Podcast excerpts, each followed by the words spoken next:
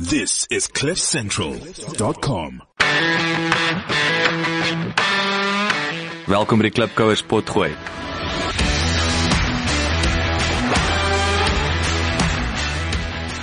Klipkouers waar ons elke week met Afrikaner entrepreneurs en impakmakers gesels ten einde die beste praktiese besigheids- en lewensadvies met jou te deel. Jou gasheer en mede-klipkouer, Jacques Basson.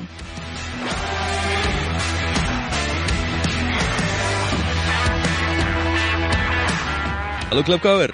Welkom um, by nog 'n episode um van die Klipkouers potgooi. Ek uh ek noem dit 'n potgooi. Ek sien al hoe meer uh, lyk like my die cool woord se potsending. Um actually ek sou sê dit moet 'n pot send wees want broadcast soos podcast. Ek weet dink waar kom podcast vandaan? Dis oorspronklik die iPod van van Apple toe hulle mos die musiek geloods het. Dit was die pod en die broadcast is die podcast. So dis waar dit vandaan kom. So tegnies wat is broadcast is uitsending, nê. Nee, ah, potsending. In elk geval. is net interessant. Ek het nou eendag gesit te wonder waar hel kom die woord podcast vandaan, maar nog 'n ding wat ehm um, wat te doen het met Steve Jobs en Apple. Ehm um, maar heerlik, ek sit hier alleen in die ateljee. So wat beteken dit? Ek's op Skype, so ek is 'n uh, bietjie oorkant oor die see weer aan die praat, maar wat nou ook vir my heerlik is, is is 'n uh, eerste vir my om uh, in hierdie met uh, met 'n uh, Afrikaanse entrepreneur in in um, in hierdie land te praat. So ek wil vir Arno Smit van Funded by Me wat in Stockholm, Swede sit, verwelkom. Dankie Jock. Uh baie lekker om hier te wees. Jammer ons kan nou nie saam mekaar in die in die studio sit nie. Dit sou nogals lekker gewees het en en jammer jy kan nie my setup hierso sien nie. Soos ek nou net gesê het, jy weet ek het 'n 'n ou boks hier gaan haal net om 'n bietjie hoor te kry sodat sodat 'n mens mekaar reguit in die gesig kan kyk en alles in plaas van om in 'n ou se neushare vas te kyk. Maar uh maar nou ja, dit is hoe dit is vandag en uh hoop hopelik kan ons 'n lekker pot gooi doen in elk geval. Ons gaan lekker gesels aan, maar sê is dit daai Kia boks? Ehm dit moet, dit, dit kan iets anders wees nie. nee, nou dat ek kom kyk dit is. Dit is uh ja, dis dit is een van hulle deurskynende plastiekbokse wat hulle hierso het. So hier's reg. So ek sê, so dis nou net vir die klipkouers wat nou wat nie nou nie weet nie. Ek wil jy en jy's nou ons gaan nou 'n bietjie agtergrond, maar IKEA is wat ek dink hy is die die ou man wat IKEA so dis flatpack meubels. Uh Engeland ons leef in Engeland leef jy op uh, grys weer ehm um, drafts en IKEA meubels. Ehm um, en dit is ek wil is regtig die, die sleep is om die bloody ding op te slaan veral ek wat haat dit om instruksies te lees. So ek vat altyd baie langer as wat ek moet want ek probeer dit uitfigure. Maar sê vir my hy's hy's ek dink hy's hy nie onder die top 10 rykste ouens in die wêreld of of of in Europa nie, die ou man wat dit alles begin het nie.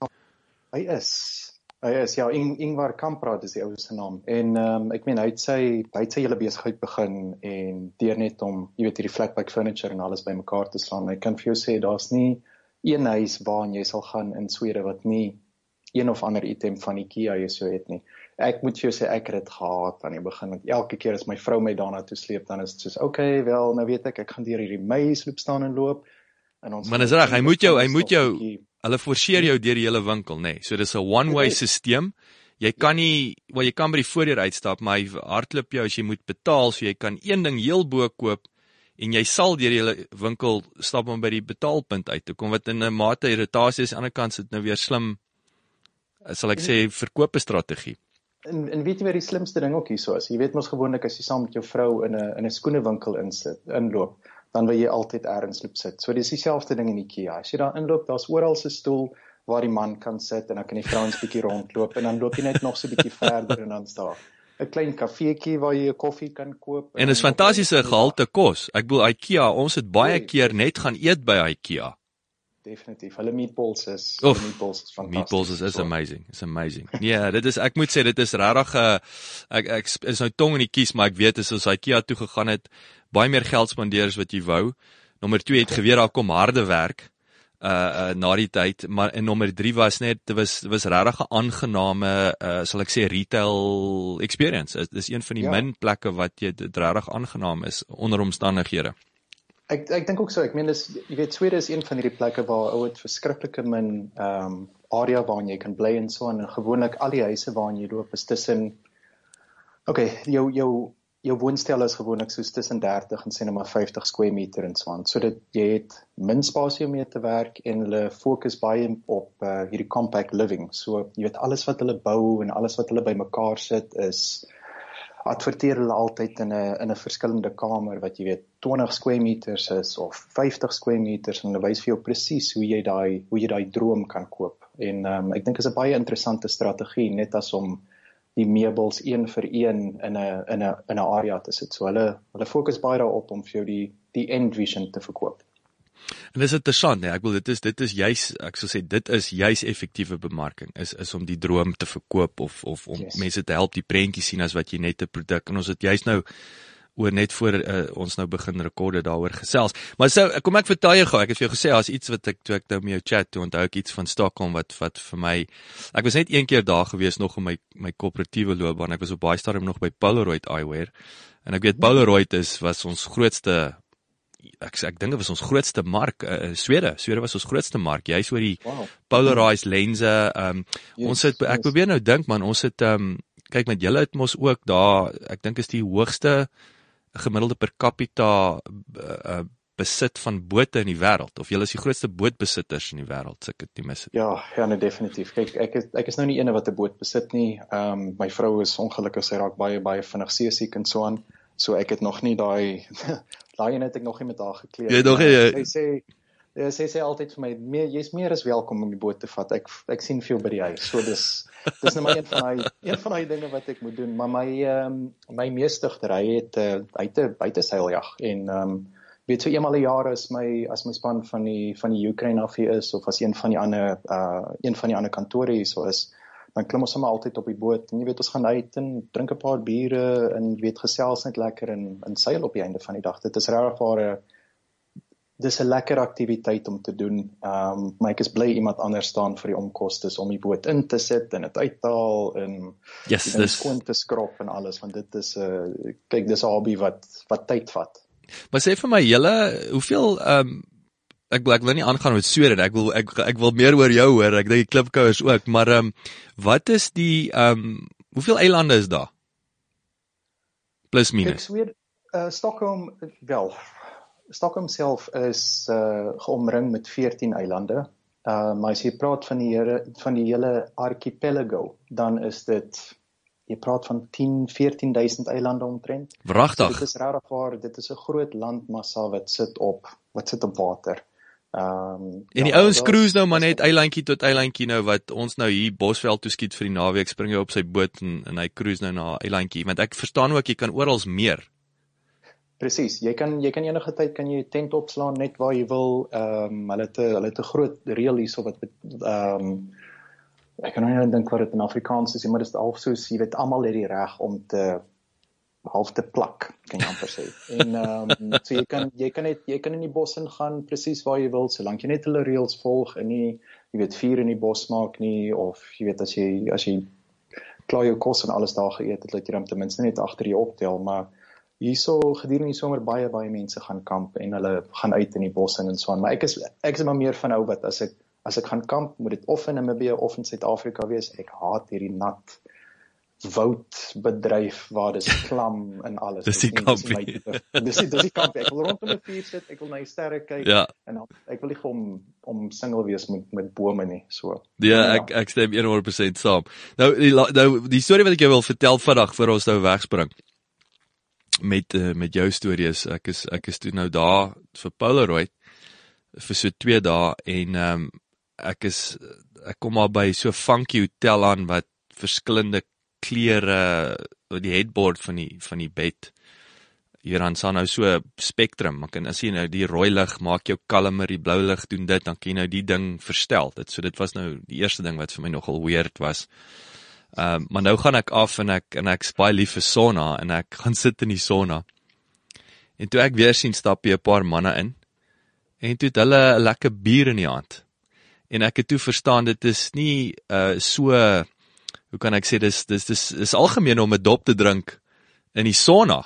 Nou weet ek nie of is is is dit is dit die geval. Ek was natuurlik aangenaam verras want ek dink julle idee van 'n sonne as jy's detox. Dis dit nie manne in dop, maar ek neem aan as dit nou deel van jou ontspanningskultuur is dan uh dan jy kyk nie net suiwer uit 'n uit 'n gesondheidsoogpunt daarna nie.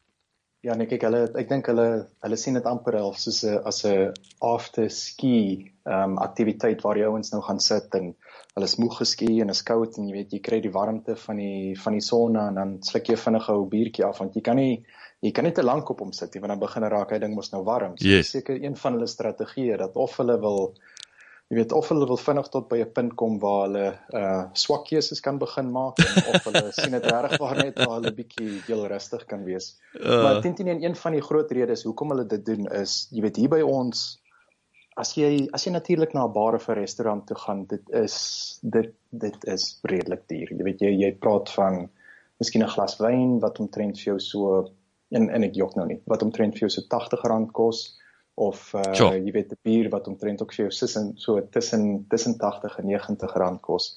Ehm um, en ek dink hulle het 'n groot rede daarvoor want die feit is dat Swede het een van jou uh dis dis een van die lande waar die mense waar die mense die minste gevalle het waar hulle soos jy weet in in ongelukke is as gevolg van uh, drunken driving of hulle word hospitaal toe gevat vir drunken driving. So eerds het die government iets reg gedoen uh deur om vir jou verskriklike baie geld te vra, jy weet omtrent 'n tiende van jou inkomste vir 'n bier. Nou, dis daarom dis daarom nie so erg nie, maar uh eerds het hulle iets reg gedoen. So. Dis baie interessant. Ja, ek weet dit is verskriklik duur en uh ek het ek het altyd aanvaar soos die Noorweërs um of julle ouens soos soos hulle uh, oh, alhoewel hulle is die Vikings maar hulle is hulle hulle is duur want hulle raak aggro. Ek bedoel hulle het histories ek dink hierdie ouens is vrouslaaners as as as as hulle begin drink Ehm um, dis kom hulle 10 10 en maar daar aan die ander kant van die wêreld ook sit want kyk hier in Noordwes is is dit duur. Dit is as ek as ek vir jou sê dis duur in Swede en ek sê vir jou dis nog duurder in Noordwes, dan moet jy weet dit is dis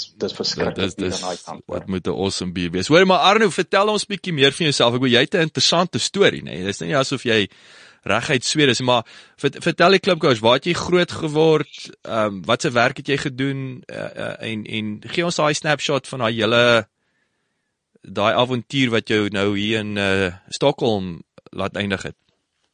Ja, natuurlik. Ehm um, jy weet ek ek sal sê ek is ek is 'n entrepreneur ehm um, groot geraak. Ek het uh altyd altyd maar rondgespeel met goeders wat vir my wat vir my tot en met 'n punt gedruk het waar ek altyd ietsie wou probeer of ek het 'n besigheid begin of ek het 'n ding probeer of ek het mense betrek by by iets wat ek wil wil probeer en so aan. So ek gaan Ek was gebore in uh, in Oranjemund in Namibië. Jy weet vir daai ouens wat nog nie daar was nie, dis waar die klomp uh, gemsbokke sommer in die stad rondloop en jy dink dis elkeen is jou jou troeteldiertjie, maar um, ek was daar tot omtrent so op die ouderdom van 6 gewees. Maar uh, selfs voor dit het ek klaar my eerste my eerste gedeelte van my entrepreneurskap begin en jy weet my ma ek het ek het vir my ma gesê luister ek wil regtig vir popcorn aan mense begine verkoop. En sy het vir my gesê dis reg my kind. Hierso kry jy 'n klein sakgeldjie vat hom belê dit mooi en maak seker dat al die wins wat jy kry kan jy weer terugstoot in die ding. En so dis dis presies wat ek in my sessie gedoen het. Jy weet ons het na die swembad toe gegaan. OK vir al die mense wat luister dis teen teen nie die beste plek om popcorn te probeer verkoop nie want die popcorn is oral in die swembad maar ek het dit reg gekry. Ons het twee verskillende smake gehad. Ons het jou aromat smaak gehad en dan die ou soet enetjie en ek weet nog steeds tot vandag toe jy weet meeste van die mense het van die aromat ene gehou. En ehm um, daarvan af het ons het ons Appington toe getrek. So ons was vir 'n seker omtrent so 6, 7 jaar was ons in Appington gewees en ek meen dis mos nou maar die plek waar jy omtrent met enigiets kan wegkom. Kyk jy gooi klei lat en jy gaan af na die rivier toe en jy gaan speel in die siphoning en daar's sy kanale wat jy gebruik om jy weet hierdie ou uh, ou plastiek dromme wat jy oopgesny het en jy gaan by die sy kanaal af maar kyk as my pa nou na hierdie ding geluister dan gaan hy verskriklik kwaad wees vir ons want hy het altyd vir ons gesê as ek vir julle daar vang dan gaan ek julle gat vir So julle was julle is nie van julle was tegnies nie daar gewees volgens hom nie. ja, nie eintlik nie. Of hier is dalk net 'n opgemaakte storie, maar ek ja. sal dit nou maar nie sê nie. nee, so ons het ons het ja. altyd daar tot ons verskriklik lekker rond gespeel en so aan. En toe was daar toe het ons daar op 'n stadium gekom waar hulle besluit het hulle wil nou uh terug na Namibië toe trek. Uh my ma en my pa het uh 'n pap in 'n restaurant gekoop en dit sou hulle hulle aftree sessie gewees het. Um in Appington het my pa 'n groot uh 'n groot warehouse gehad wat hy gekoop het toe hy toe hy redelik jonk was. Ek dink hy was 23 of 24 gewees. En ehm um, hy het hierdie ene hy het nog steeds tot vandag toe het hy hierdie warehouse. So hy het 'n baie redelike goeie passive income gekry van dit af en altyd het dit vir hom die vryheid gegee om besluite te maak om of 'n nuwe besigheid te begin of 'n ding oor te koop en weet net net altyd te probeer. Hy was altyd op 'n stadium gewees waar hy ietsie kon probeer en ek dink dis 'n ding wat vir my grootendeels baie geïnspireer het om te sê dit maak nie saak of jy of jy nie hierdie keer regkom met ietsie, jy weet, probeer dit net. Gaan uit, probeer iets, kyk of jy dit kan regkry en as jy as jy miskien 'n verskil in iemand anders se lewe kan maak, dan uh, dan het jy definitief dan ten minste teruggegee op een of ander manier.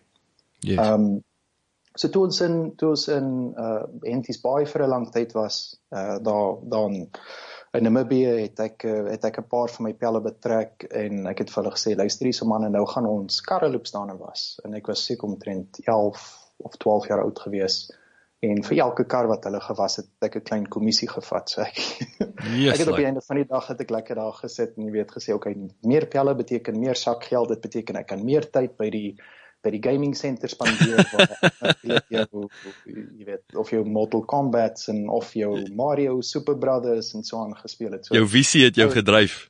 definitief, daai was my goal geweest. Ek kon net drie arcades spandeer het want dit was dit was wat ek geniet het. So En ehm um, daarvan af het ek het ek besluit okay luister, jy weet nou is dit nou is dit tyd dat ou bietjie hoërskool toe gaan gaan. So ek het 'n tegniese 'n tegniese rigting gekies en ek was ek was by die tegniese skool in Windhoek was ek gewees.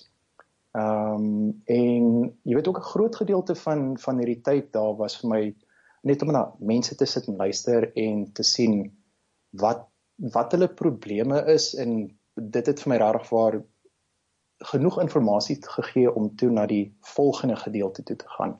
En die volgende gedeelte vir my hierso was dat klomp van my pelle het gekla oor die feit dat jy weet rekenaars was verskriklik duur geweest daai tyd. Jy miskien net een of twee ouens gehad wat ehm um, wat dit verkoop het en toe het ek besluit maar as 'n mens na al jou verskillende ehm um, distributors toe gaan en jy kan jy weet die boks koop en jy kan die motherboard koop en jy kan die harde skyf hierso koop dan kan jy dit vir 'n goedkoper prys bou en jy kan dit natuurlik aan 'n goedkoper prys aan hulle verkoop. Soos amper soos Dell, Dell se model. Yes, yes, maar uh, ek dink die ding hierso was dat teen daai tyd het ek nie eintlik geweet dat uh jy weet hierdie ehm um, copyright sagte ware en so aan is iets wat 'n ou nie moet clone nie want ek, ek jy kan dit nie verniet net, ek hoor jou, ek hoor jou. Nee, nee, nie eintlik nie. En uh, daar was 'n stadium gewees dat ek ek dink ek het Windows 95 se serial keys uit my kop uit geken van al die installasies wat ek gedoen het. So maar nou ja, dit dis dis mos nou maar hoe ou leer op die einde van die dag. Ja, dis ook nou nie ook en dis ook nie, jy weet ek ek sê ek lag nou lekker want dit is dit is ignorance. Dis ook nie iets wat nou doelbewus uitgegaan het om 'n skelm te wees nie. Aspres, ek meen ja. jy's jy's jonk en jy dink jy's waar kan jy nog ekstra geldjie maak? Okay, Ja. wel jy het, jy het een serie en jy het vyf rekenaars. Kan jy nie almal gebruik nie, nee, want jy het nie terms and conditions gelees nie, maar maar nou ja. Niemand doen in elk geval nie. Ja, vir al die sien na Apple se terms kyk jy daai 78 bladsye. Goeie net- vader.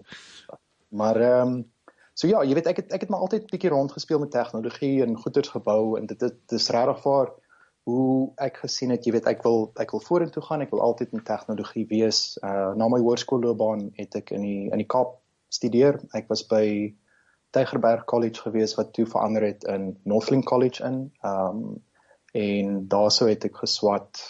Dit was 'n uh, kurs 'n 2 jaar kursus in webdesign en graphic design. En dit was net hierdie hele tyd en dit was in 2002 tot 2004 gewees.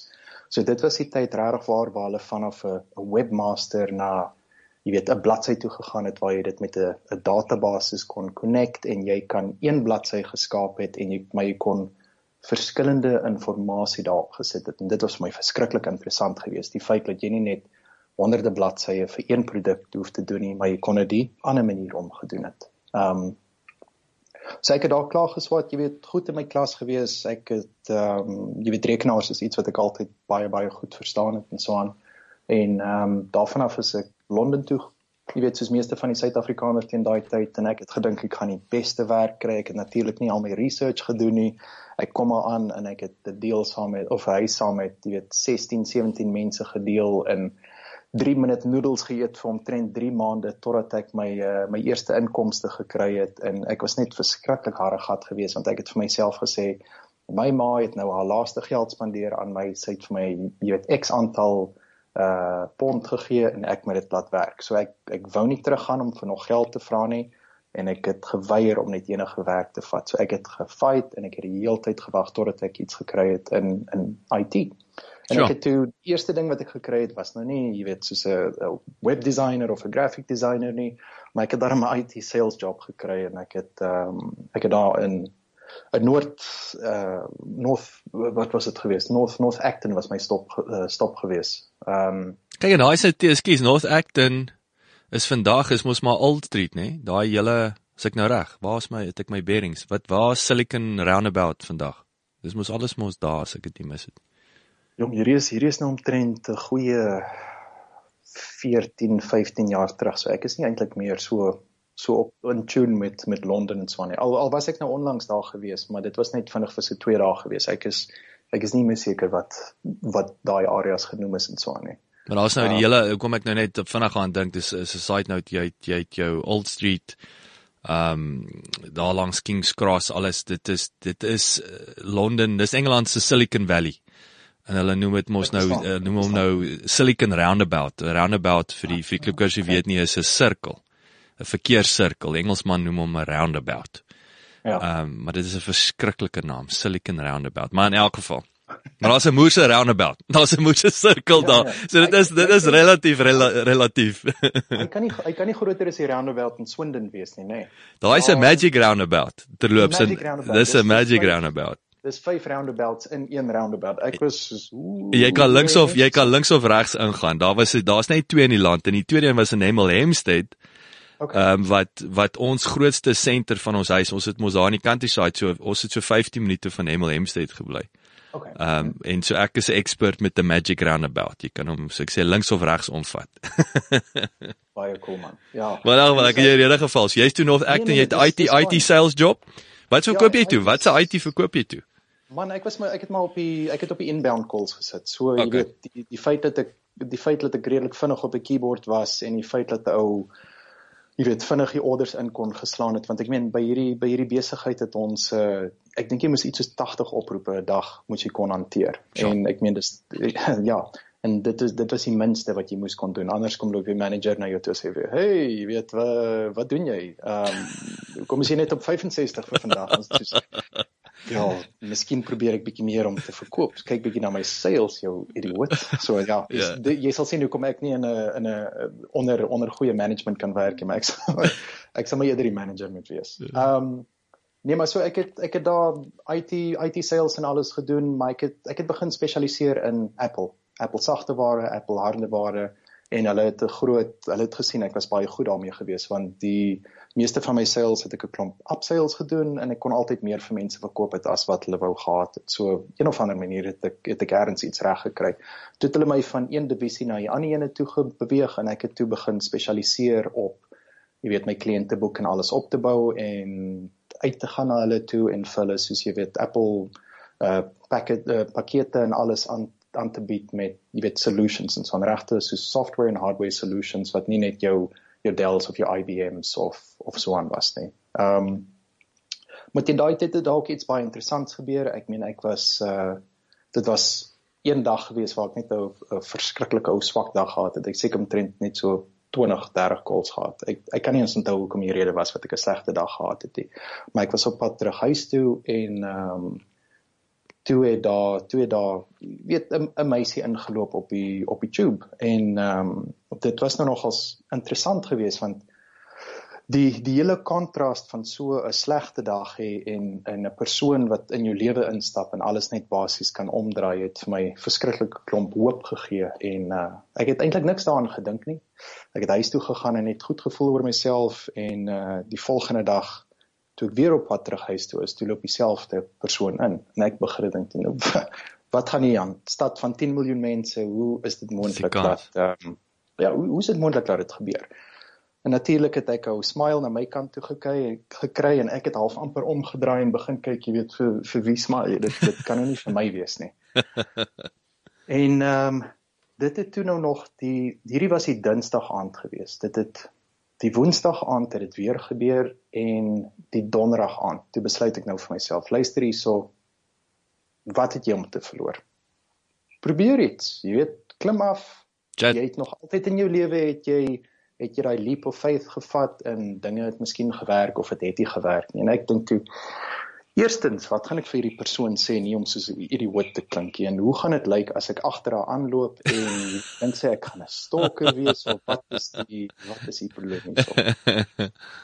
Ek het dit toe gedoen. Ek loop ons het ehm um, ons het by een van die stops in Londen het ons afgeklim en ek besluit toe okay, weet voor hierdie deure toe maak, moet ek dit nou doen andersins gaan ek dit nooit weer doen nie. En ek klim af, ek loop agter haar aan. Ek jy weet tap op haar op haar skouer en sy draai om en ek kan nie eens onthou wat ek gesê het. Ek het nog soos iets so ou so ou cheesy line van ou, ou romcom het ek uitgetrek en net gesê, jy weet luister jy ek jy's verskriklik mooi. Ek weet eens hoekom ek hier so staan nie, maar bla bla bla. Ons begin gesels en ek het toe vir gesê luister hier, maar ek, ek sien vir jou môre, okay.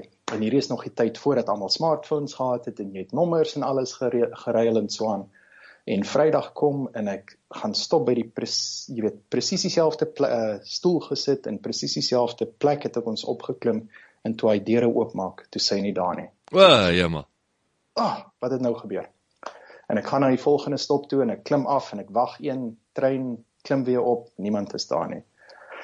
En toe gaan ek die hele naweek jy weet die hele naweek het verby gegaan ek het daar bietjie gedink okay jy weet nou het ek die grootste die mooiste meisiekind wat ek in my lewe nog gesien het het ek nou so pas my my naam die grootste idioot gemaak en ek sal haar nooit weer sien nie. En hele naweek net rondgeloop en gedink okay jy weet wat wat het ek nou gedoen? My lewe is weggegooi. En, jy weet ek ek kan nie eens onthou wie die persoon is nie maar in elk geval Maandag kom verby en toe sy daar. En ek meen ons het begin gesels en ons het gesê jy weet waar was jy gewees? Waar was die ene gewees? En sy het toe dieselfde dieselfde uh experience gehad dat sy het ingeklim en ek was hier daar nie en sy het by die volgende ene afgeklim en ons het mekaar teen teen met 'n paar minute gemis maar jy weet daar toe ons toe ons nommers verruil en soos hulle sê jy weet the rest is history. Vandag is ons gelukkig getroud en ons het 'n seentjie wat 3 jaar oud is en sy het my nog altyd gevolg en my nog altyd gesupport vir vir al die malle goeters wat hy ou probeer het en so aan.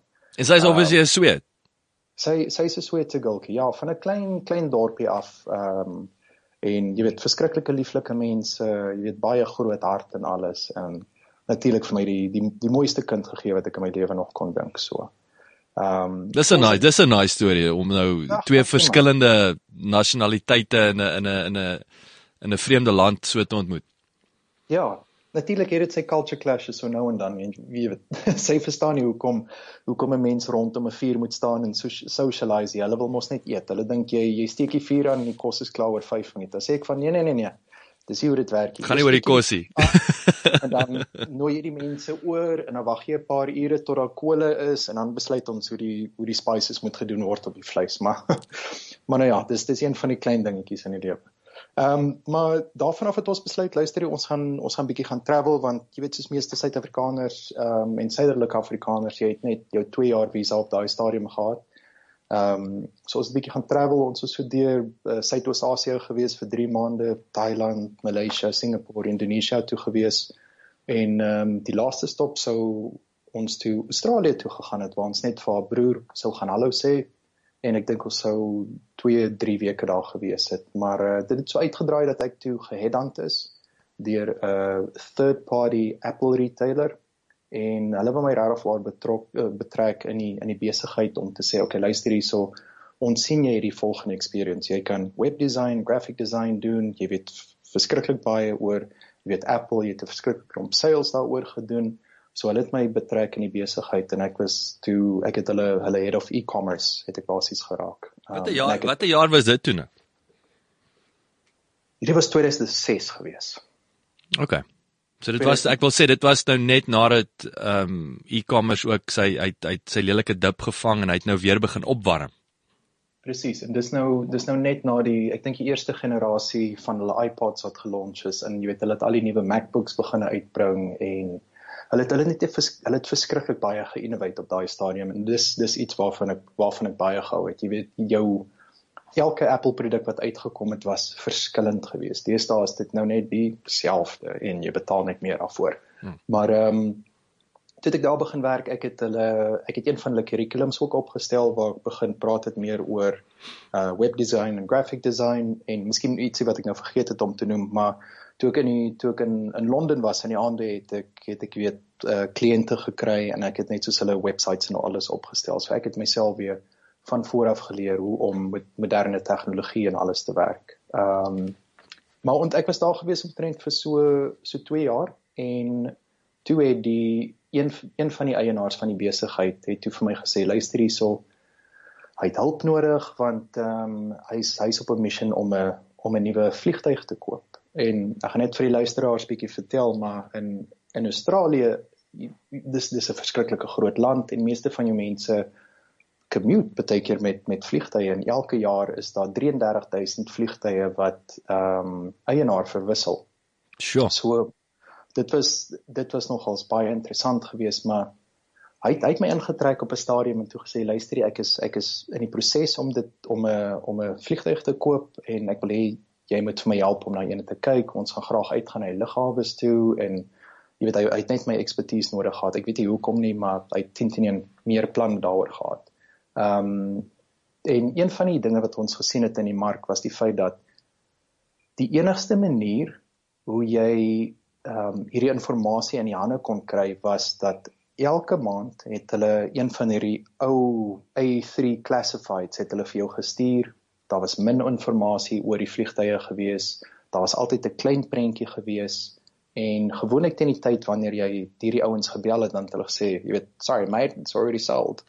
Tipiese tipiese Australiese accent en ehm um, Dit het ons gesien, wag, daar is 'n groot gap in die market. Kom ons kyk as ons hierdie as ons hierdie weergawe vat van wat hulle het en ons maak 'n digitale produk daarvan. Hoe kan ons, jy weet, hoe kan ons kyk, hoe kan ons die market position kan ons acquire? Hoe kan ons kyk dat ons hierdie verskillende goederes begin doen en 'n gedeelte daarvan ehm um, jy weet was 'n groot gedeelte daarvan was ons bemarkingsstrategie gewees. En uh die die manier hoe ons die bemarking op hierdie stadium gevat het is ons het gesê luister hierso ons kry al die mense wat al voorheen geadvertise het en ons gaan uit na hulle toe vir al die ouens wat jou jou home builds doen en ons maak kontak met hulle. Ons sê vir luister hierse ons wil graag uitkom. Ons is 'n nuwe service wat hierso is. Ons wil bietjie content marketing doen. Ons gee vir julle ehm, 'n um, free post op ons op ons blog wat ons kan doen. Ons gaan vir julle jy weet foto's neem en ons gaan video's neem en al daai klas van goeders op die einde van die dag was ons net twee persone gewees wat vinnig in die Land Rover geklim deurgery na hulle toe.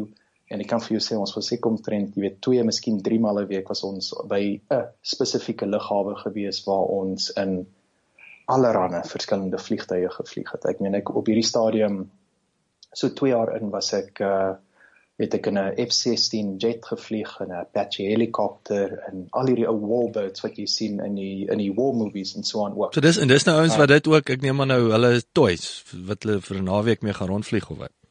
Ja, definitief. Ek meen jy het, jy het al hierdie jy het al hierdie ehm um, spanne wat miskien nou jy weet almal het dieselfde vliegtuig en daar's 3 of 4 van hulle wat dan eenmal 'n een jaar of tweemaal 'n jaar ontmoet hulle mekaar en dan vlieg hulle jy weet van Sydney af na die Gold Coast toe en dis nou dis nou hulle dag se se tripie. Soos bikers. Um, op, ja, maar net net in die lug en bietjie bietjie meer interessant dan uh natuurlik is ek al rondgegooi in 'n vliegtuig en jy weet ek het van jou van jou snaakste goeters al ge-experience. Hulle het my op 'n stadium met hulle my uh in een van hierdie paratroope vliegtye het hulle my vasgemaak in die so kyk daai jy kan ons met daai ene kan jy sê deur oopvlieg.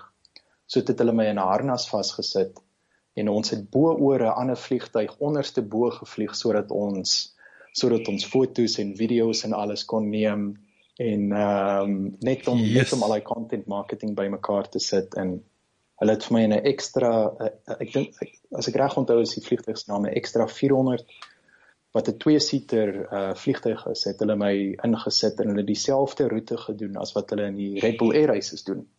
En daar het hulle my gedruk tot 7.9 G's voordat ek voordat ek uitgepas het. So dit was Ja. 'n verskriklike interessante, jy weet, gedeelte in my lewe gewees. Ek het ek het nog altyd gedroom ek wou 'n pilot gewees het, maar as ek uit, uitvind net hoe modernized en hoeveel hydraulics in die nuwe vliegtye is, het ek my is ek bly ek het daai tyd in my lewe gehad en ek is nog steeds lewendig vandag om uh, om dit alles oor te vertel so. so so daai om daai stukkie op te som, jy het ehm um, so jy het uh, baie interessante industrie, niche industrie, alhoewel 33000 vliegtye is nie min nie, maar ek neem aan in vergelyking met 'n kar of 'n bike is dit is dit baie klein. Maar maar 'n lekker groot genoeg koek om om om weet geld uit daai transaksies te maak en jy het net dit gevat en en online gaan sit. Ja, ja, definitief. En dit meer daai in daai daai in en ek wil sê die die uh uh die inligting net hmm. real time was real time in die sin dat soos die ou bel nie sy mors hy tyd die ding is reeds verkoop nie. So jy het geweet as die ding online was, is hy beskikbaar byvoorbeeld. Presies. Ons het daai daai drie punte waaroor ek gepraat het, die feit dat die jy weet die fotos klein was, die inligting was min gewees en die feit dat jy dit eenmal 'n maand gekry het. Ons het op daai drie punte het ons gefokus en net gesê, okay, luister hier, so kom ons maak dit accessible 24/7. Kom ons maak seker mense kan genoeg inligting opgee op op oplaai op, en um, ook genoeg, jy weet, fotos en video's oplaai sodat iemand 'n uh 'n goeie keuse kan maak voordat hulle hierdie vliegtyg ehm um, sal wil koop. En die die method of die die model waarop ons gewerk het was nie eintlik om te sê okay luister hier jy moet nou 150 000 Australiërs vir hierdie ene betaal nie maar dis meer van die advertising space wat ons verkoop het. Ehm um, so ons het op daai stadium met ons ons het goed gedoen ons het baie vinnig die die grootste player in die in die mark geraak. Ehm um, en ek weet tot vandag toe is die besigheid nog steeds daar. Natuurlik het ek my grootste besigheidsles in my hele lewe geleer want ehm um, op hierdie stadium was ek jy weet jy's jy's jonk, jy is baie naïef, jy jy jy beweeg vinnig, jy weet jy wil hê dinge moet vinnig gebeur en die lewe is voor jou en jy kan 'n verskriklike klomp geld uit hierdie ding uitmaak en so aan. Ehm um, maar soos ek sê ek het die ek het die grootste besigheidslesse in my lewe geleer. Ek het uh op daai stadium met ons besluit dat nommer 1, jy weet, ons wil graag hierdie produk in Europa invat en ek sê ek maak die een connection met die ander een en ek sê vir hulle luister hierso, my vrou is van Europa af, so kom ek kom ek skuif Swede toe en ons begin met dit as 'n mark en alles. En dit is ja ja nee, cool, goeie idee en alles. En presies toe ek in Swede aanland, toe het hulle alle connections met my afgesny. Gee verlies ontwikkel. My broer, toe vind ons uit dat uh die die shareholders agreements en alles wat ons ge, geteken het was was jy weet vervals Ai. en ek het uh, ek het 'n groot gedeelte van my van my lewe en van my besigheid het ek basies verloor. Maar ehm um, dit is vir my een een ding het dit vir my gegee en uh ek kyk tot vandag toe kyk ek nog terug daarna en ek sê net okay as ek ooit in besigheid ingaan of die mense saam met wie ons partnerships doen in in ons huidige besigheid van dit by my wil ek nooit graag iemand so hanteer nie. Ek wil oop wees, ek wil transparant wees met hulle en ek wil seker maak dat hulle kan voel hierdie is die manier hoe hoe hulle wil hanteer want want ek weet ek het 'n groot skade daai tyd aangedoen. Jy weet dit vir my 'n klomp grys hare gegee en uh natuurlik om so iets vir jou maale en vir jou vir jou ouers en alles te verduidelik en jy sit aan die ander kant van die wêreld. Jy weet dit is 'n uh, dis natuurlik 'n bitterpil om te sluk. So. Mm. mm sure. Sure. En en so jy sit en jy kom toe nou Stockholm aan en basically is jy jobless. Ja. Sure. gelukkig soos ek sê jy weet gelukkig my my vrou en my familie het my deur dik en dun gesupport en alles en ek het daarom nog 'n paar kliënte gehad waarmee ek gewerk het en waarmee ek kon werk net om my net om 'n bietjie brood en alles op die tafel te sit. So was dit meer die maar... meer weer nog steeds 'n uh, webwerf programmering wat wat was jy toe by betrokke? Ja, dis dis maar ietsie van alles gewees. Jy weet, bietjie programmering, bietjie jy weet ads opsit vir mense, bietjie vir hulle help om jy weet produkte en alles bymekaar te sit en jy weet hierdie tegniese specifications en so aan. So dit het, dit het maar 'n redelike tegniese rol gehad altyd. En ehm um, toe was dit ook maar net een van daai een van daai dae gewees waar jy weet ons besluit luister hier ons gaan ons gaan gou vinnig in dorp toe want ons was so 'n uur en 'n half buite die dorp gebly op hierdie stadium. En ehm um, ek het ek het saam met my vroutjie het ons ingegaan. Ek het iemand gesien wat natuurlik geadverteer het vir jy weet IT mense. Ehm um, en ek het gesê okay luister hier so ek as ek nou regtig vir hierdie ding wil aanpak sal ek my netwerk hier moet begin opbou. Ek sal met mense moet begin gesels en hopelik kan ek net hierdie net my voet daarom ten minste inkry om te sien, jy weet, wat is die hoe lyk die mark aan hierdie kant? En ek het die mense gebel, het my ingenooi vir 'n interview en hulle het my toe ge, gematch met 'n met 'n projek. En die eerste projek waarmee hulle my gematch het was was natuurlik my uh my meestigter saam met wie ek vandag werk. Natuurlik die drie projekte en alles wat ons gedoen het was heeltemal verskillend geweest. Dit was net 'n 3 dae gig om dit so te stel. Maar ehm um, die probleem wat hulle gehad het was, jy weet, hulle moes 'n 'n tegniese solution ge, gemaak het en hulle moes 'n 'n payment system ingesit het om seker te maak dat as jy as 'n persoon miskien oorlede is dan wil ons graag hê daar's 'n sekere hoeveelheid video's wat moet uitgestuur word vir jou netwerk en natuurlik hierdie video's het jy voor die tyd al ingespeel en jy het gesê okay jy weet luister hierso vir jou baas jy weet gee vir hom gee vir hom die vinger of jy weet vrou sê luister hierso ek het hier is al my passwords jy weet daai klas van goeters so dit maar dit dit, dit was 'n moeilike ding geweest want een op op een of ander manier moes jy geweet het luister hierso nou weet ons regtig waar hierdie ou is dood. Jy kan dit nie net per ongeluk uitstuur nie want as jy daai inligting per ongeluk ja, dis nie dis nie dis nie 'n baie opwindende ek sou sê uh, dit dit dit lig nie jou gemoedere om daai e-mails uit te stuur nie Nee, definitief nie en veral as jy dit verkeerd doen, jy weet dan net jy miskien dalk iemand so vas gefire as jy dit doen. so is dit. Daar's daar's 'n klomp testing wat ons daarop moes gedoen het en ek het toe gehelp en jy weet die my my digter Daniel, hy het toe vir my gesê luister hierso maar ek ek het nog 'n klomp projekte en so aan wat ek wil doen. Kan jy miskien dalk, jy weet, weet ons nie ontslaa raak van hierdie besigheid nie, maar jy weet, kom sit hier by my. Ek gee vir jou free office space en hy het op sy stadium met hy sy web agency gehad. Ehm um, en ons het ons het twee projekte saam begine doen en ek dink ons het op die einde van die dag het ons seker 14, miskien 15 projekte het ons saam gedoen voordat ons gesê het luister hier so ek en jy het 'n uh, verskriklike lekker chemistry. Kom ons kom ons pak 'n besigheid aan. Jy weet ons ons doen soveel werk vir ander mense. Kom ons kom ons doen iets vir onsself vir 'n slag. En ehm um, een van die idees waarmee ons uitgekom het was amper hierdie TEDx talks voordat TEDx uitgekom het. En uh, vir die luisteraars wat nie weet wat TEDx is nie, dit is jy weet enige ek sal ek sal nie eintlik sê enige iemand nie, maar 'n grootendeels van mense wat wat op inligting sit kan miskien uitgenooi word na hierdie platform. Jy kry 'n groot ehm um, 'n groot audience wat by jou kan kom sit en hulle kan kom luister oor enige tipe van van topics of dit in tegnologie is en of dit in koffie is of dit in ek weet die leermaakprodukte is en so aan. So ons het ons het net gedink, jy weet, hoe kan jy daai inligting vat en 'n netwerk stig en dit probeer oor die hele wêreld kry. Natuurlik ons het die ons het verskriklik klomp, video's van die uh World Deutsche Bank afgekry wat hulle wat hulle graag wou wou uitkry. En ek en my uh ek en my kollega Daniel het toe gesê luister hier so ons het nou ons het befondsing vir hierdie ding nodig. So ons het gegaan na ehm um, na besigheid toe met die naam van Kickstarter en hulle was nie op baie stadium nê nee? en ek wil gee gou vir die klipkouers net ouens wat nou nie Kickstarter so 'n bietjie agtergrond van hoe daai model werk. Moet ek dit gou gee? Ja, asseblief. Sorry. Yes. Ehm um, so Kickstarter was op daai stadium was hulle baie nuut geweest en die die ding wat hulle gedoen het is hulle het 'n klomp uh kreatiewe mense of hulle het 'n platform gestig vir kreatiewe mense om hulle projekte tot life te bring om dit so te stel. En wat hulle gedoen het is hulle het 'n netwerk van mense opgebou en hulle het seker gemaak dat jy jou eie netwerk kan gebruik om dit basies in donations in te verander. So as jy weet, miskien wil jy dalk die volgende ehm um, oorlosie. Jy weet jy wil kyk of daar miskien genoeg aanvraag is om om 'n nuwe oorlosie te koop. Dan kan jy soos jou jy kan jou idee op hierdie op hierdie marketplace kan jy dit oplaai jy kan vir mense vertel jy weet wat is wat is die idee hoeveel gaan dit kos? Ehm um, wat dink jy is die groot issues daarmee in die mark?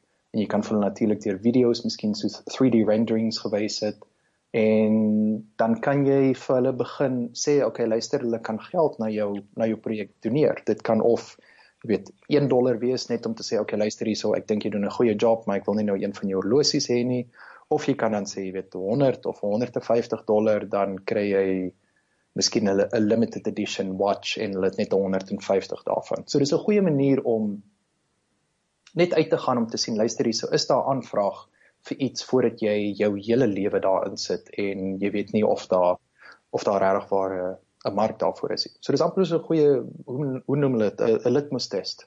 Ja, ek wil sê dis is dit is absoluut nee, ek bedoel dit is ek het nog nooit so daaraan gedink nie. Ek bedoel nou met die met met crowdsourcing nou dit 'n vorm van weet om om geld bymekaar te maak, maar dis dis dis so 'n kragtige punt wat jy wat jy daar maak dat as ou nie nou al 'n dollar of daai rand wil uithaal en nie die waarde sien, hoekom gaan hy dan 'n 100 rand uithaal?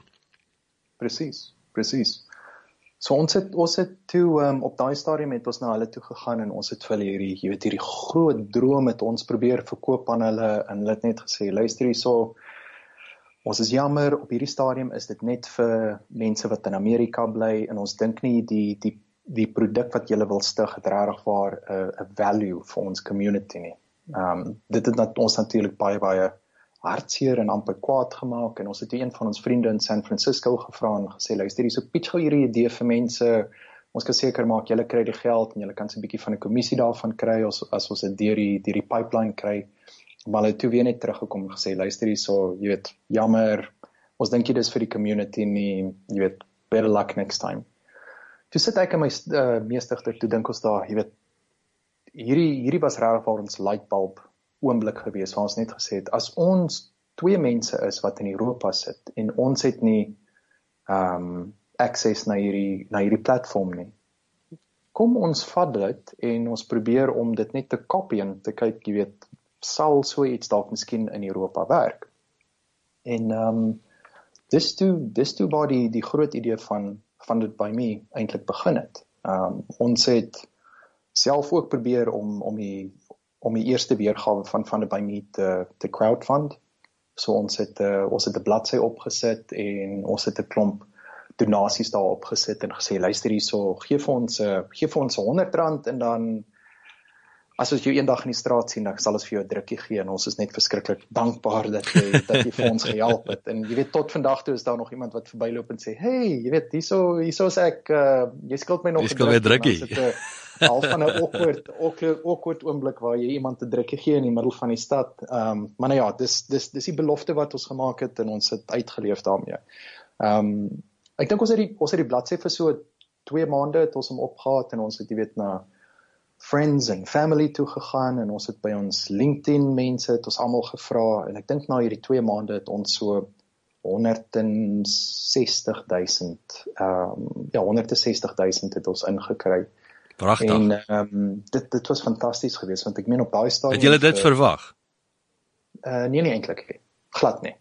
En dit dit was regtig waar dit gekom soos 'n skok en dit was toe ek en Daniel toe besluit het luister hierso hierdie is die oomblik wat ons nou daai geld vat, ons gaan maak 'n besigheid daaruit en ons probeer ander mense te help sodat hulle besighede 'n uh, 'n uh, 'n werklikheid kan raak. Ehm um, Arno, as ek ekskuus ek val jou rede. Dink jy ja. dink jy dis vir my interessant dat so julle as ek reg verstaan, so julle daar's vanuit julle het gesê luister, ons wil van dit by me begin. Gee vir ons 100 hmm. rand. As ek reg of skenk doneer ons gee jou drukkie. Maar wat vir my interessant ja. is, dink jy die die die, die dit is 'n generasie ding. Dink jy die wêreld op daai stadium die tipe uh um jong persoon daar buite was reg vir so iets?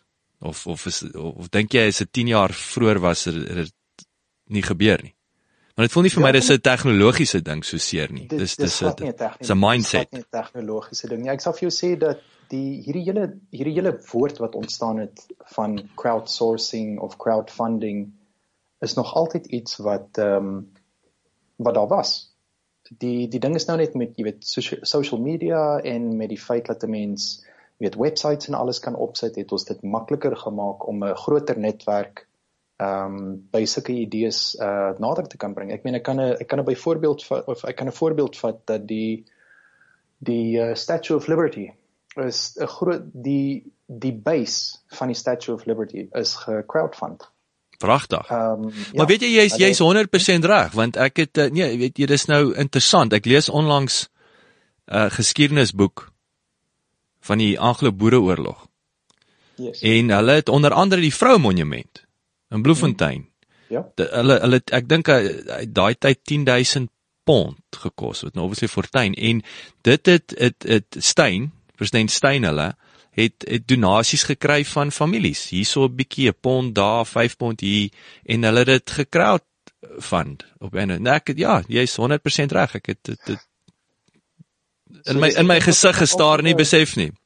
Ja, ek ek dink ons nog altyd daai ehm ek ek dink ons het ons het dit nog altyd in ons gehad, maar ons het net nog nooit geweet hoe 'n mens se woord daar kan sit nie. En ek dink totdat jy weet al hierdie platforms nou begin het en dit het meer ehm popular geraak tussen tussen almal het hulle uiteindelik gevind, okay, luister hier, so ons sal nou 'n woord daarvoor moet ontskep en so aan. Maar as jy mens terugkyk in in in enige geskiedenis is daar grootendeels, jy weet, of of 'n brug of 'n museum of en of soos ek sê, jy weet die die Statue of Liberty wat ge, wat gecrowdfund is. En ek weet dat Joseph Pulitzer het op daai stadium met 'n advertensie uitgeneem in die in die New York Times en hy het vir die mense gesê, luister hierso, ons wil hierdie uh statue oh, hulle hulle het moeilikheid gehad om die Statue of Liberty se base van Parys af te bring New York toe. So wat hulle gedoen het is hulle het vir mense ges, gesê dat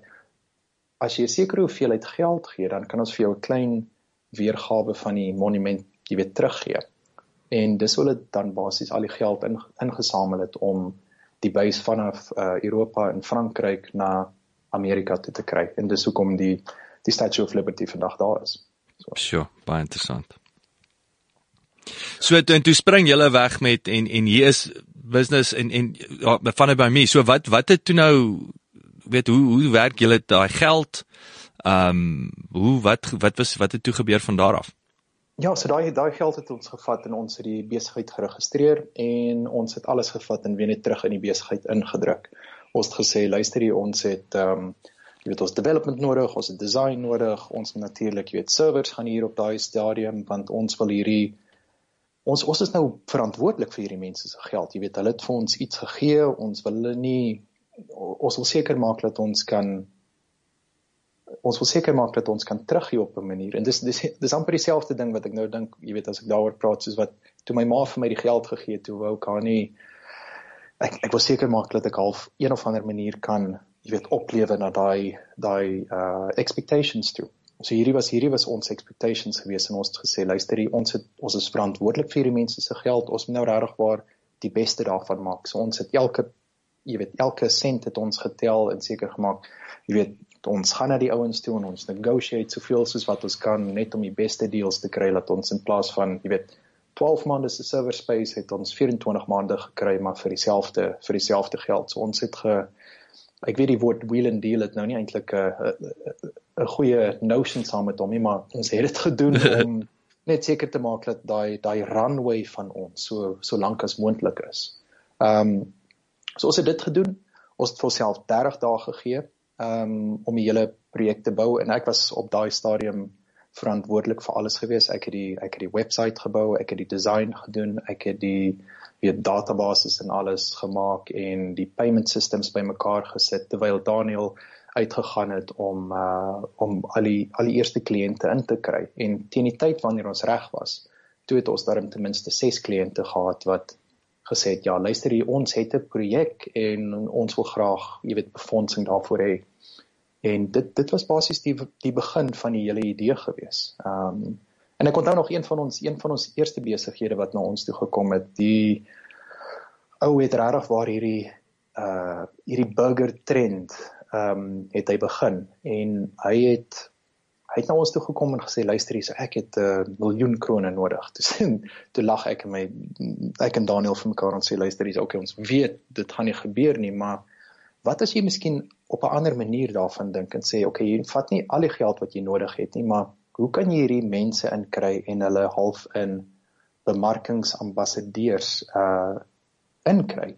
Te sê ja, maar dis 'n jy weet dis 'n goeie idee en hy het vir homself uh 'n minimum goal opgesit en die ou het gesê luister hierso ek wil in 'n jaar of twee wil ek graag 'n hamburger restaurant oopmaak dit is regtig waar gebaseer op my op my journey wat ek gehad het in in Amerika en hy wil hy wil daai smash burgers wil hy basies oorbring ehm um, Europa toe. En daar was 'n verskriklike klomp mense wat geïnteresseerd was in hierdie ding en hy het ook gesê, jy weet, vir 'n vir 'n 100 vir 'n 100 rand dan kan jy 'n half soos 'n ticket koop waar jy en iemand anders dan na die burgerrestaurante kan kom wanneer dit oopmaak. En jy weet mense het natuurlik op social media het hulle gesê, jy weet I just bought this this future hamburger kind of like coupon and stuff en daar was 'n klomp mense wat na die ene toe gegaan het en jy weet hy hy het 'n goeie klomp geld uit dit uitgekry. Hy het natuurlik sy restaurant oopgemaak en tot en met vandag as jy in Stockholm rondloop en jy vra vir enige iemand of hulle weet oor flipping burgers dan jy weet of ons gaan na 'n event toe en en jy vra vir iemand oor flipping burgers dan sal hulle nou opsteek want hulle het gehoor van hierdie hierdie fantastiese idee dat ehm um, jy weet dit het bestaan, die ou het befondsing daarvoor gekry. Hy het een van die top 5 restaurante in Europa as uh, jy weet as gery deur BBC ehm um, het hy opgebou en hy het sy eie boek uitgekry op 'n stadium. Hy het 'n uh, TV channel het hy gehad en en en so ek is ek is bly om te sê dat jy weet ons was eer van een van die eerste ouens en as gevolg van ons uh is dit moontlik geweest dat ons hom kon help om om sy restaurant op te kry.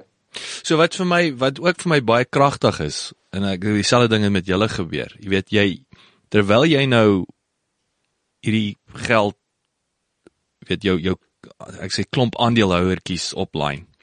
Yes. Is jy besig om te bemark ook? Want daai ou is nie 'n manier wat hy sy rand vir jou uh, gee of invest sonder dat hy nie die produk gaan kom probeer of koop na die tyd en nie vir en, en natuurlik weet vir almal vertel af van. Hmm, so dis hmm. dis vir my jy jy jy tikke twee bokse daar. Finansiering vir die besigheid, great yes. of of koste-effektiewe finansiering. Ehm um, en nommer 2 is jy jy jy jy slaat die bemarkings uh, uh tikkie bemarkingsboksie in die proses ook.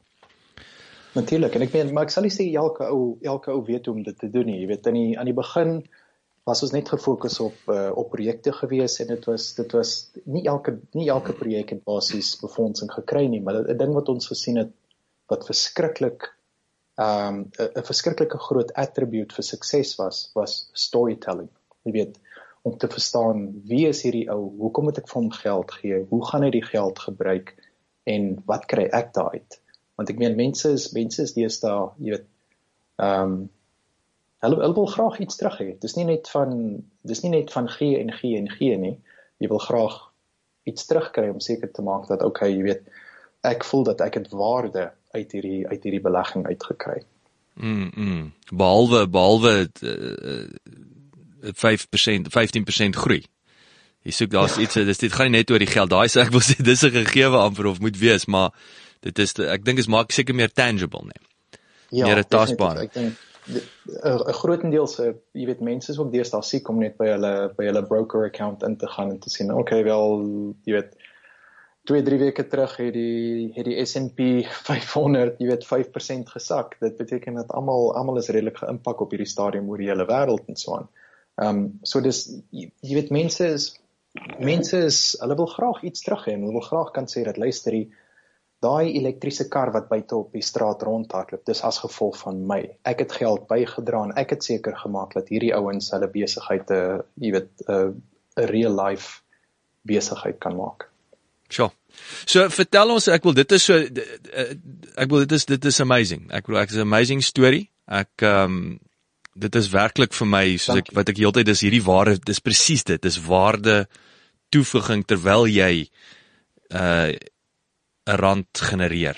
En of sal ek yes. sê maak die wêreld 'n beter plek terwyl jy rand genereer. Dit is dit is vir my so belangrik. Um As ek reg kan onthou, het julle hoeveel geld het julle al wat julle uh, uh wat deur die van dit by my al gehardloop is of het? Um op hierdie stadium, ek gaan dit nou probeer terugsit in of ek gaan eers die euro sê en dit is 55 miljoen euros wat basies deur die platform gegaan het en ek dink as jy dit terugsit in rand is dit seker omtrent amper 'n biljoen rand wat dit is. Yes, this is amazing. En en uh, jy het nou hierdie Flippin Burgers as 'n voorbeeld, so nog 'n as jy 'n besigheid kan beklemtoon iets wat uitgestaan het wat anders was, anders is. O, definitief. Wat wat vertel ons nog 'n storie? Kom ek en ek ek wil net gou nog so 'n bietjie verder gaan met die journey van van die by me. So kom ek sê, jy weet in die in die eerste dae en hieso is een ding wat jy moet onthou, jy weet ek kom nie ek kom nie van 'n finans agtergrond af nie en my my meeste gere ook nie. Ja, ons is ouens wat ons is kreatief, ons hou daarvan om om dinge te doen. Jy weet, jy kan dit in my agtergrond en so aan sien. Maar jy weet my my co-founder, hy's 'n hy's 'n hy's 'n art curator gewees. So hy hy het vir een van die grootste ehm um, kunsplekke gewerk waar hy al uitstallings ge, gedoen het en hy het seker gemaak, jy weet, hulle het mense ingekry en so aan. Maar ons is nog altyd, jy weet, half soos die underdogs gewees want as jy kyk in Swede, jy weet, almal is blond en hulle het hierdie slickback hare en hulle dra hulle mooi salmon eh, rooi broeke met 'n klomp kostuums en alles en jy weet as jy as jy vir hulle vertel luister hierso hierdie twee ouens wat 'n besigheid uh bestuur een van hulle kom van Roemenië af en hy is 'n uh, hy's 'n art curator en die ander ou is van Namibia af hy's 'n uh, hy's 'n developer. Jy weet tussen die lyne kan jy lees dat hierdie ouens is unfundable. Um So jy weet ons het ons het verskriklik hard geveg om om te kom waar ons is vandag en om seker te maak dat ons 'n 'n verskil kan maak in in in Europa en hopelik in die wêreld ook. En ehm um, in 2013 het ons regtig gesien dat nommer 1 mense hou daarvan om produkte aan te koop, maar hulle het graag 'n groter hulle wil 'n groter rol speel in die hele wêreld. En in plaas van net om 'n nuwe produk aan te koop, wil hulle miskien dalk 'n 'n klein stukkie eiendom in hierdie besigheid vat. So dis waar ons ons die toe die besigheid gepivot het en gesê het luister hierso in plaas van net om hierdie produkte te doen, gaan ons nou meer op besighede begin fokus en sê okay luister waar kan ons waarde byvoeg? Hoe kan ons seker maak dat wanneer jy of as jy dan geld ingesit het in hierdie besigheid, kan jy eventually um 'n return daai kry. En soos ek nou sê, jy weet, flipping burgers gaan verskriklik goed vir hulle. Maar die enigste ding wat ek kon doen is ek kon een van daai coupons gekoop het. Ek kon nooit in 'n vroeg op 'n vroeë stadium by die besigheid ehm um, geld belê het nie. En ek meen as jy kyk, jy weet, terug in die ou dae hoe uh Bill Gates en al sy ander ouens en jy weet Mark Zuckerberg en so aan hoe hulle in 'n in 'n kamer gesit het en jy weet regtig waar ge ge gebeg het vir geld en gesê het luister jy ons het net 1000 rand nodig of 1000 dollar nodig om om die servers te kan hardloop vir die volgende jaar en hulle was bereid om 10, 20, 30% vir hulle van hulle besigheid weg te gee. Imagine net as jy daai ou was in daai kamer en jy kon gesê het luister jy ek is een van die eerste ouens wat saam met hulle daar was en nou is daai besigheid hier as gevolg van my. En ek dink dis daai daai waarde wat ons dan gesien het en ons het gesien luister jy ons skep dit in 'n besigheidsmodel in, maak seker ons fokus op die op die storytelling sodat nie sodat dit nie net jy weet finansiële advies is nie en dis nie net jy weet okay hierdie besigheid gaan vir jou 2 of 3% return gee of 15% return gee nie maar inteendeel wat dit gaan doen is as ons ons goal kan bereik van ehm um, 'n miljoen rand dan kan ons 5 uh 5 of 6 jobs ontskep in hierdie mark en ons kan seker maak dat ons drome realiteit word. Ehm um, so dit was regtig vir ons ons core gewees en net om seker te maak dat luisterie maak nie saak waar in hierdie besigheid gaan nie. Ons wil altyd fokus op die feit dat ons iets kan teruggee vir vir iemand anders want dit gaan nie net oor ons nie, dit gaan oor die entrepreneurs. Mm. mm. Um, so so is dit so is dit staan vandag. Ek meen ons het ehm um, ons het 170 besighede het ons al suksesvol gefinansier. Um en ons het nou al 'n netwerk opgebou as meer meer as 250 000 beleggers. En uh een van die een van die projekte wat vir my hierso uitstaan is een van die is 'n elektriese kar wat ehm um, as gevolg van van by my is hulle nou op 'n stadium waar hulle gaan uh ek dink maart volgende jaar gaan hulle hulle eerste elektriese kar launch.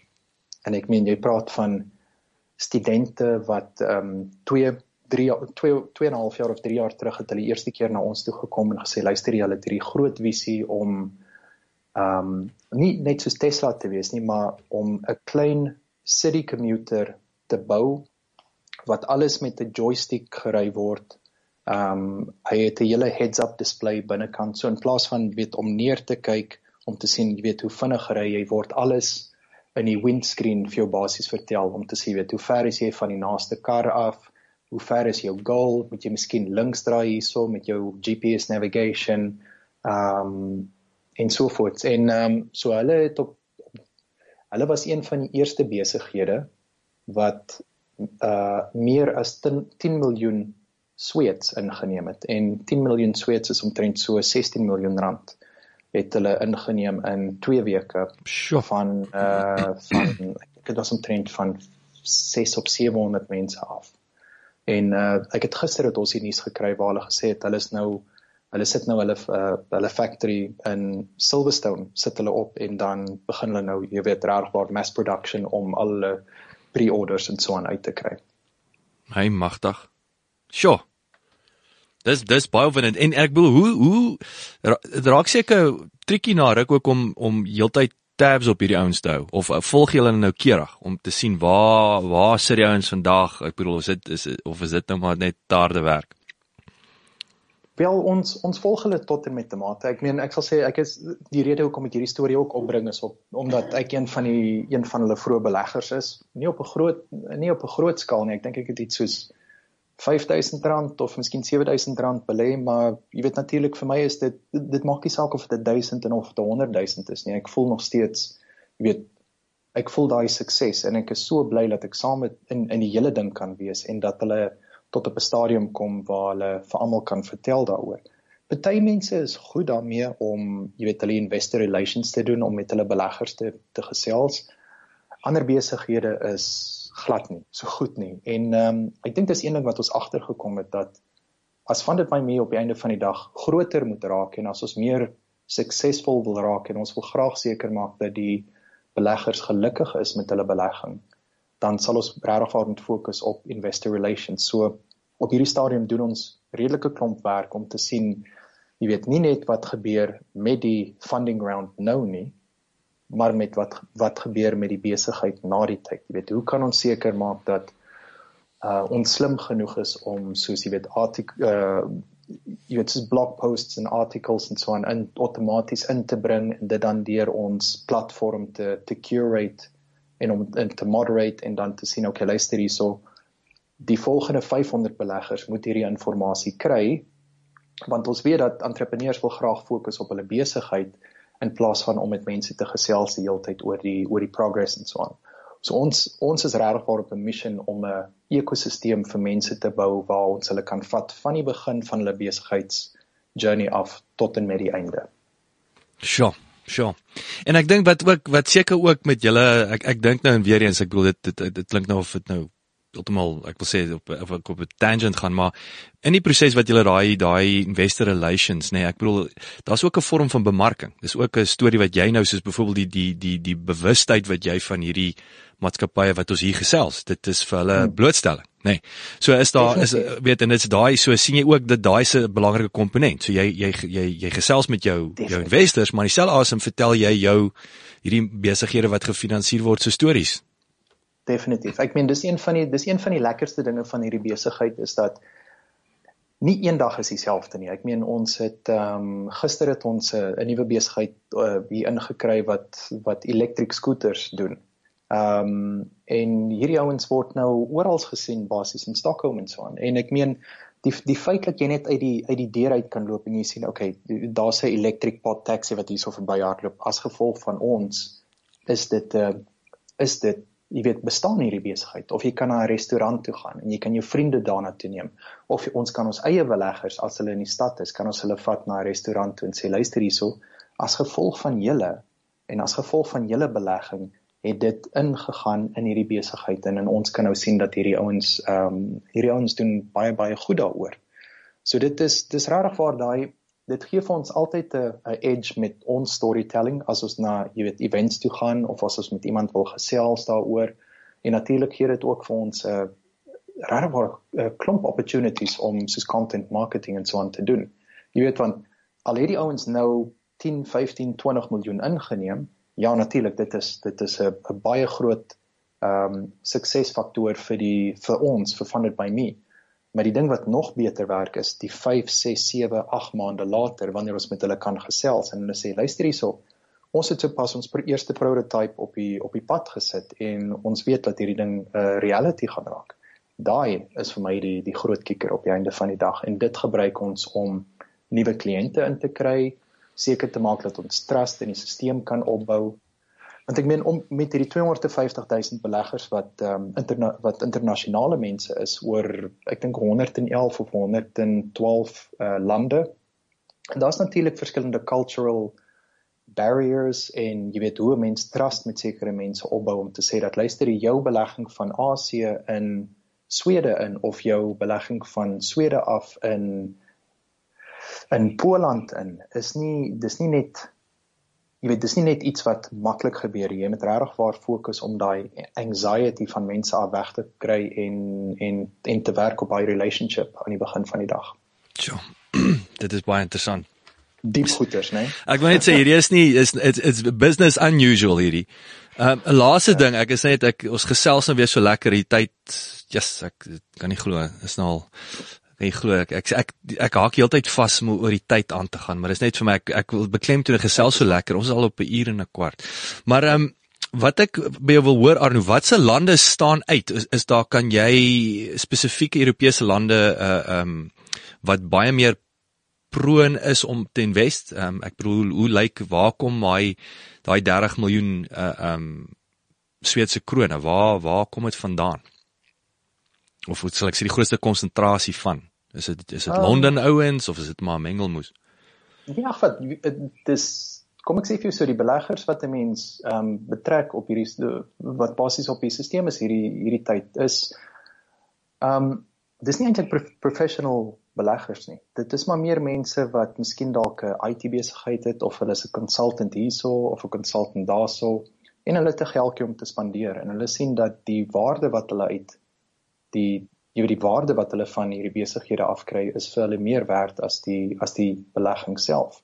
Ehm um, as mens kyk na die besighede op van dit by my dan kan ons omtrent sê dat 23% van alle beleggers wat in 'n besigheid ingaan is internasionaal. Ehm um, so dan dan kan jy begin praat oor, jy weet, van die besighede wat ons al van van wat in Swede is wat be, befondsing ingekry het. Hulle het almal van, jy weet, soos Europa af, uh van Asië af en natuurlik van Afrika ook af. Ehm um, die enigste mark wat ons nie toelaat op hierdie stadium nie is uh Amerika. En vir 'n vir 'n goeie rede want daar is net te veel weet lawsuits en alles wat aan die gang is. So ek ek bly maar eerder daai uit. Ek sien ek sien. Yes. Ja, skus ek ek my keel hier skoon maak. Arno, dit was verskriklik om jou te gesels. Ek onthou die eerste keer wat ek en jy ook, ons het op WhatsApp gechat. Ek dink ons het ook amper 'n uur en 'n half gesels. Dit is dis vir my heerlik om jou te chat. Dit is um dis vir my verstommend daar sulke dinamiese ouens wat uit Namibië uitkom wat nie net boere is nie, so, ek sê dit is 'n kompliment. My vrou is 'n my my skoonma is in Namibië, so ek weet dis spesiale mense wat daar is, maar die maar die meeste van die spesiale ouens is nog steeds daar. So is nou jy ja. dit is dis lekker om uh, om hierdie ongelooflike internasionale uh, avontuur en suksesverhaal te hoor. Uh en mm.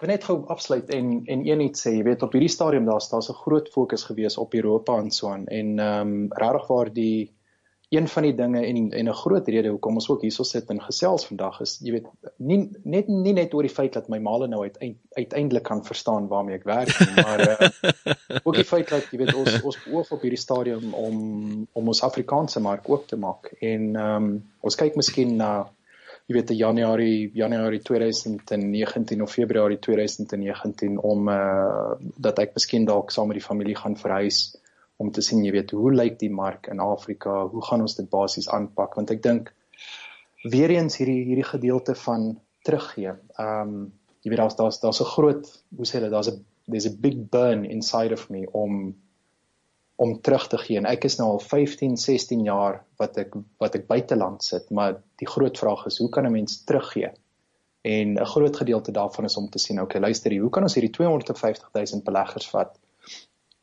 daai anxiety uit dit uitkry en befondsing geleenthede skep in Afrika in jy weet infrastruktuur, agriculture, startups en so voort. So ek dink as jy weet as daar mense is wat uh geïnteresseerd is om daaroor te gesels, jy weet, dan moet hulle definitief uh kontak maak met ons. Maar jy moet nou vir my kyk as jy kan man, laat laat julle sommer as jy nou in Suid-Afrika is, kyk of jy in die ateljee kan inpop kos gesels. Ek dink is baie belangrik. Ek dink Suid-Afrika, die ouens weet jy wil uh, Johannesburg toe kom. Man, jy moet net vinnig man, ons dan gaan ons Bosveld toe. Ek vat hy sterre, hy sterre nê. Okay, okay. Die sterre in Bos, jy het gesê dis die voorwaarde. Ja, ja. Sien kan ons dit ontmoet. Ja, ek weet weet jy grap sommer. Maar nee, so maar as as jy in die land is elfval weer met jou gesels, ek dink dit is verskriklik belangrik hierdie. Ehm um, ek dink nie ons weet Suid-Afrikaanse banke is nie daai ek wil sê daai venture capitalist mindset. Dis iets wat stadig maar seker dit daar's pockets van dit in Suid-Afrika. Jy weet hier en daar is daar boere mafia, maar dit is nie sommer maklik om daar in te kom of te weet waar die ouens is nie. Uh dit is nog steeds tande trek om geld in te samel. Ehm um, en met ouens soos julle wat wat die hele wêreld basies oopmaak. Uh en en en ek dink ook die ding dit gaan oor hele kredietwaardigheid. Ek dink dis wat so lekker is ook. Um en so krities is, nê, nee, vir julle is dat ja. ek weet as ek my my rand kom en investeer in 'n besigheid deur julle, dit dit julle het hom gewet. Dis nie 'n dodgy Nigerië piramide skema skema want anders is julle besigheid dood in die proses. So julle bring 'n baie belangrike komponent vir daai na daai peace of mind faktor wil ek sê wat wat julle na die tafel toe bring. Ehm um, en ja, dis vir my dis my goeie nuus vir vir Suid-Afrikaanse SMEs en en OL ons het dit ons het brood nodig. Ek sien I don't know. Dit gaan eh uh, dis dis hele next next chapter in my life. Absoluut. Ja, is opwindend. En en alle sterkte sê vir my uh, eh, uh, slek dinge bietjie af nou na Kersfees se kant toe daar ook. Nee, slek nie. Nee. dit, ons is ons is so besig op hierdie stadium. Dis dis belaglik. Ehm um, Nee, maar op, op 'n goeie manier. Ek kan vir jou sê dat jy weet my ek sit hier in my klein cubicle in een van hierdie in een van die kamers en so aan, maar die res van die span hardloop rond en hulle is besig om te high five en jy weet dis deals wat gelons word en mense wat jy weet 100% bereik en so aan. So daar is dit is jy weet ons ons ons is regtig waar op cloud number 9 op hierdie stadium. Dit is uh dit sou erger gewees het as mense inkom en daar is nie musiek wat speel nie en jy weet almal sit en hulle het net hulle headphones en so aan. En so ons is ons is verskriklik dankbaar vir dit wat ons het. Ja. Arno Smit, uh van dit by my verskriklik dankie vir jou tyd. Heerlik om met jou te gesels. Baie baie inspirerende storie, uh opwindende goed waarmee jy besig is en alle sterkte vir die laaste uh uh stres van van 2018 en uh ek hoop um ten minste gesels ons weer in die in die in die begin van die nuwe jaar. Ja, definitief. Awesome. Ek love it. Dit was uh regtig amazing geweest en uh soos ek sê hopelik volgende keer kan ons kan ons miskien dalk uh jy weet soos die ouens dalk in 'n in 'n sonna sit en 'n in 'n in 'n dop drink. Wel, as ons net in die bosveld buite gaan sit, is dit soos 'n sonna. So daar's 'n derde boks wat ons dik. Baie dankie dat jy geluister het. Vir 'n opsomming en notas van die episode, gaan asseblief na ons webwerf www.klipkouers.com en teken sommer in terwyl jy daar is, dan kan ons jou gereeld op hoogte hou. Baie dankie.